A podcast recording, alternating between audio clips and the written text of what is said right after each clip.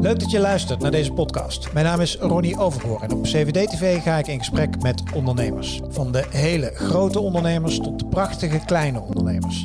En van de al best wel oude tot de piepjonge. Want in elke ondernemer zit een mooi verhaal. Welkom bij CVD-TV. Hoe toffer je klanten, um, hoe beter het met je bedrijf gaat. Toch? Uh, maar hoe krijg je nou als ondernemer de klanten die bij jou passen? Daarover gaat deze video. Welkom bij CVD TV.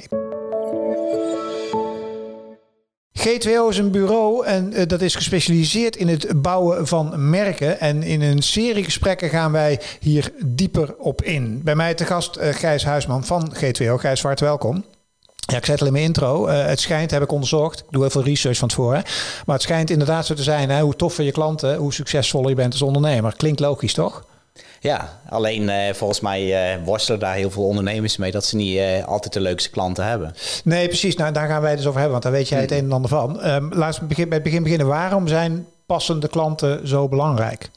Nou, dat doet heel veel met je organisatie, maar ook met jouw medewerkers. Als ze voor mensen mogen werken die uh, echt een, ja, een fit zijn met je organisatie, dan stroomt gewoon letterlijk de energie beter. En dan is iedereen meer in zijn vel en dan gaat alles gewoon op een leuke manier en uh, in harmonie met elkaar. En wat is een passende klant?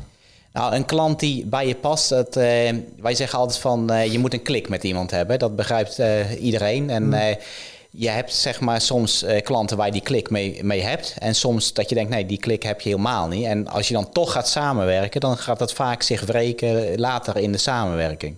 Hmm. Ik heb eens een wat rondgekeken en dan hoor je een aantal argumenten die, die zeg maar, ja, niet tegen zijn, maar die, dit, ik ben benieuwd wat jij ervan vindt, hè, van wat je dan hoort in de markt als het over dit onderwerp gaat. Hè. Dus een van de argumenten die ik hoorde, um, maar ja, maar ik, ik weet niet welke klanten nou bij mij passen en welke niet. Oftewel, hoe kom je daarachter? Nou, eh, door te beginnen dat je eerst, het begint het naar mijn idee dat je weet wie je zelf bent. En dat uh, weten sommige mensen natuurlijk nooit. Hè. Die, die zijn nog even daar nog op zoek wie, ze zelf zijn. Ja.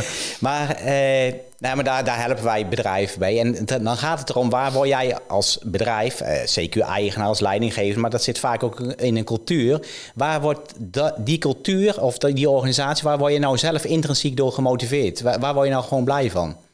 En dat moet, je dan, moet, dat, moet die klant dat dan hetzelfde hebben?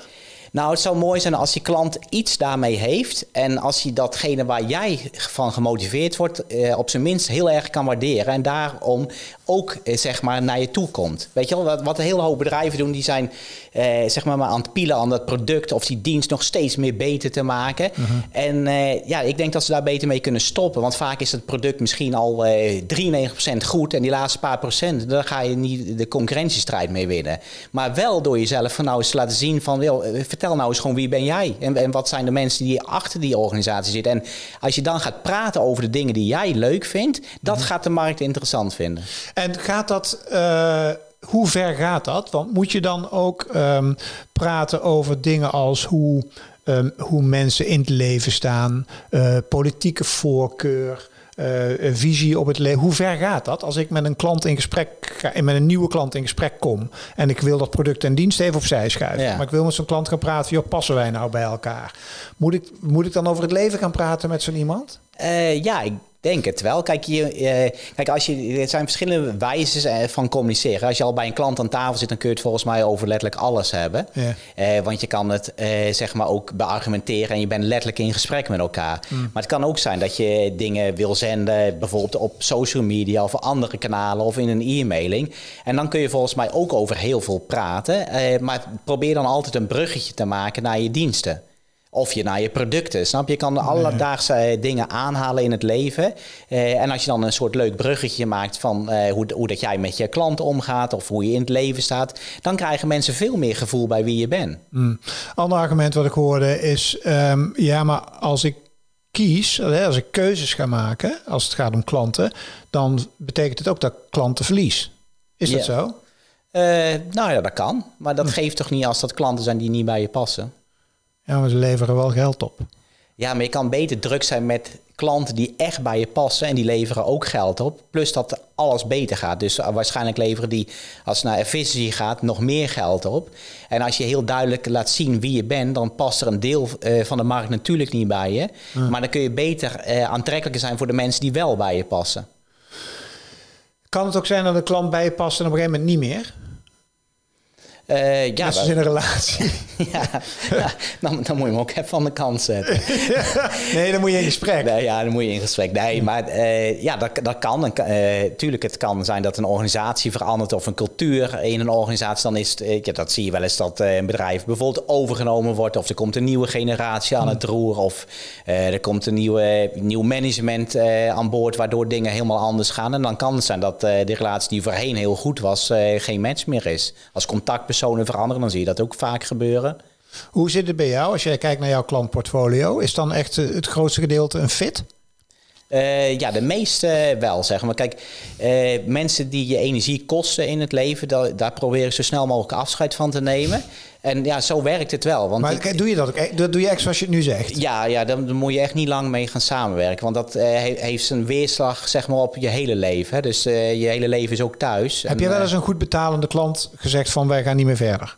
Ja, ja, ja dat zeg ik wel eens, ja. ja.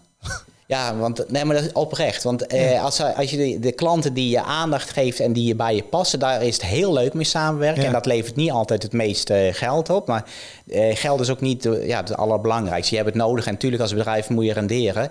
Maar eh, energie, dat is nog veel meer waard dan geld. Mm, dus dat is eigenlijk een, bijna een KPI waar je op moet sturen, energie. Ja, eh, ja, als dat positieve energie is en de mensen zijn leuk, zeg maar. En, je, en tuurlijk, je moet, je moet declarabel kunnen zijn. Maar dan kun je ook declarabel zijn. Daar ben ik ook van overtuigd. Geldt dat met name voor creatieve beroepen? Want ik kan me ook voorstellen dat er iemand zit te kijken en denkt... ja, gast, ik heb gewoon een fabriek en dan maken we product X. En uh, de klanten die stromen binnen, boeit mij niet wat die klant denkt en voelt en energie, uh, het zal wel. Ik lever gewoon die producten. Ja, dat aan de ene kant uh, geloof ik dat misschien, maar elk bedrijf heeft mensen in dienst uh, en elk bedrijf heeft ook klantcontact. Ik, mm. kan me bijna niet voorstellen dat er een organisatie is die niks geen klantcontact heeft. Mm. Mm. Snap je dus? En als je dan ook weet wie bij je past en wie, maar net, net wat ik zeg, je moet weten wie je zelf bent. Ja. Uh, en als je dat gewoon gaat uitstralen en daar gaat over gaat communiceren, dan gaan mensen zien wie je ja, letterlijk bent. Ja. Nog een argument. Um, uh, als het minder gaat, tijden van crisis, dan moet ik toch gewoon pakken wat ik pakken kan. Wat vind jij daarvan? Ja, uh, Als het water je aan de lippen staat. Ja, ja, ja dan heb je misschien niet zo heel veel te kiezen. Um, nee, hè, dat is het een beetje. Hè? Maar goed, aan de andere kant is het dan nog wel interessant om te kijken van, joh, uh, ja, hoeveel werk heb je dan in voorgaande tijd gemaakt van je branding? Dus met andere woorden, hoeveel en wat heb je gecommuniceerd in voorgaande tijden? Ik zie zoveel bedrijven en mensen die amper iets communiceren en, en heel veel ja, product, dienstgerelateerd communiceren. Mm. En wat, wat doen ze? Ze kijken naar de massa, naar wat doet de markt? Ja, mijn concurrent die doet dit, oh, dan moeten we dat ook gaan roepen. Oh, die gaat daar iets over vertellen, gaan wij dat ook doen. Mm. Maar gewoon, blijf nou eens gewoon bij jezelf. Mm. Weet je wel? En als je dan gaat praten over de dingen die jouw energie geven en wat je gaaf vindt om te doen. En er zijn zoveel dingen. Elk bedrijf doet hele mooie dingen. Alleen, mm. en sommigen die durven daar niet eens over te vertellen. Die vinden dat eng. Want dan, ja, als je iets, iets blootgeeft, dan uh, ja, kun je er ook op afgerekend worden. Maar als je gewoon duidelijk voor je product of je diensten staat en je gaat daar op een leuke manier over kletsen, ja, dan, dan trek je, ja, en dat uitstralen, de uitstralen wie je vanzelf bent. Want vaak zijn de mensen, als je ze spreekt, veel leuker dan dat hun bedrijf uitstraalt. Hè? Dat is ook nog eens een keer zo. Ja, klopt. Ja. zeker ook als je naar websites kijkt bijvoorbeeld, die doen het ook vaak echt heel slecht. Ja, ja. en dat vind ik altijd fascinerend. Dan denk ik, ja, je bent eigenlijk best wel een leuke man of vrouw. En waarom eh, straal je dat niet uit in je organisatie? Is het, en is het Calvinisme ook wat ons een beetje dwars zit daarin? Speelt dat? Ja, misschien wel. Sommigen die hebben natuurlijk uh, meer ja, een soort uh, aanleg ervoor om te gaan communiceren of vinden dat belangrijker, omdat letterlijk hun energie ook in dat stuk zit. Mm -hmm. En de ander die zal dat minder hebben. Uh, dus ik geloof wel, maar ja, ze willen allemaal klanten en uiteindelijk willen ze allemaal meer omzet. Ja. Hoe Calvinistisch we ook zijn, ja. dat vinden we wel weer belangrijk. Hè? dat is waar. Het laatste argument wat ik ook hoorde, heb ik daarna nog een paar vragen. Maar het laatste argument wat ik hoorde is: ja, typisch ondernemer, iedereen heeft mijn product of dienst nodig. Uh, misschien is dat zo dat ze jouw product of dienst nodig hebben, maar ik ben ervan overtuigd dat niet iedereen bij je past. En ik zeg altijd van, je kan beter maar dan een, een, een, deel van die taart hebben, en maar dan wel dat deel wat echt bij je past. En de belangrijkste reden die jij schetst, of die jij aangeeft waarom je dat moet doen, is omdat, dat is dat energieverhaal. Eigenlijk gewoon dat het leuker wordt. Ja, dan wordt het leuker. Eh, leuker in het leven, maar ook makkelijker om geld te verdienen. Eh, dan weten ze je op waarde te schatten, zeg maar. Eh, weet je wel, maar nog zoiets, je, mensen die gaan soms ook maar bellen achter klanten aan. Ze zijn op de transactie gericht. Eh, maar ik, ik bel nooit een klant op bijna. Weet je wel, dat, uh, ja, natuurlijk, je moet goed voor ze zorgen. Uh, maar als een klant, als je echt fascinerende dingen doet mm. uh, en je, je bent van waarde, dan blijven klanten ook klant en dan blijven ze ook bellen. Hou jij het wel bij, zo'n relatie? Of hou je, hoe onderhoud jij klantenrelaties met passende klanten? Uh, nou, dan is het ook geen opoffering om eens een keer in gesprek te gaan met zijn klanten. Dat, dat is gewoon met alles zo in, in, het leven. Als je mensen gewoon leuk vindt, dan is het ook gewoon leuk om naar die mensen toe te gaan. Uh, of als ze weer bij je komen. Ja. Maar uh, wanneer je bellijstjes af gaat werken en vinken, is als, als je denkt: oh ja, ik moet die man of vrouw weer bellen, maar je hebt er eigenlijk heel geen zin in. Nou, waarom doe je het dan? Dan kun je zeggen, ja, hij levert geld op. Maar er zijn ook, ook klanten, daar ben ik van overtuigd, die ook geld opleveren en wel bij je passen. Maar ga daar dan energie in stoppen. En dat is weer het probleem dat vaak heel veel ondernemingen, en zeker met salesmensen, die worden op de transacties afgerekend. Uh, maar als je kan zeggen, joh, we, we hebben een leuk verhaal geschreven, want dat motiveert mij vandaag. Uh, daar is niet direct een transactie aan gekoppeld, maar dat is allemaal op korte termijn gericht. En ik geloof er echt oprecht in dat je, als je aan de lange termijn denkt en werkt, en je gaat dat meer vertellen, dat je op een duurzame manier in je merk investeert. En in je klantrelaties. En in je dus. klantrelaties, ja. Ja, ja zou we eigenlijk een soort Tinder moeten zijn. Van, van ja, maar, nou, nee, maar alles wat jij nu schetst is bijna nergens te vinden. Als je ziet hoe het mechanisme draait in ondernemen Nederland, hoe bedrijven en klanten, hoe dat elkaar vindt, daar heeft dit weinig, ook als je kijkt naar een LinkedIn of whatever, ja, daar wordt wel van alle dingen gecommuniceerd. Maar er is ook eigenlijk geen soort matchmaking tool die op basis van energie, visie, hoe je in het leven staat, de entiteit van je bedrijf. En dat je dat kan koppelen aan, aan de markt. Ja, misschien is er een kijker die dit een, geweldig idee vindt die ermee begint. Ik vind wel iets. ja. een paar vragen. Uh, hoe, uh, hoe zorg je nou, stel, ik ken mezelf goed uh, en ik heb ook een goed beeld bij wat voor soort klanten ik wil en welke ik niet wil, welke bij me passen, bla bla. Hoe kom ik er dan aan? Uh, dan moet je toch gaan communiceren. Dus wel kijken van uh, wat is de markt, waar richt ik me op. En dan in de kanalen waar jouw klanten zich bewegen, moet je wel gaan communiceren. Want uh, ja, onbekend maakt onbemind. En, en laat zijn grote klanten belangrijker dan kleine? Nee, eh, als grote klanten bij je passen is prima. Eh, maar kleine klanten kunnen ook bij je passen. En ook waardevol zijn. En die kunnen ook groeien en ontwikkelen. En die kunnen super belangrijk zijn voor je netwerk. Kunnen over je praten eh, op een positieve manier. doordat ze heel goed bij je passen. En dat leven kan op termijn ook heel veel opleveren. Hoeveel klanten heb jij eigenlijk? heel erg veel. en dan komt er heel veel energie van nieuwe klanten krijgen. Ja, maar, ik ben minder goed gewoon in het onderhouden van de relatie. Daar zit mijn, uh, zwakte. Ja, mijn zwakte gewoon. Ik krijg elke keer heel veel energie van als er weer iemand belt die nieuw is. En uh, een nieuw product of dienst, dat vind ik altijd weer interessant. Ja, ja, en ik ben minder goed zeg maar om uh, vaste klanten heel vaak te bezoeken. Hoe, wat vind je vrouw ervan? dat impertinente vraag.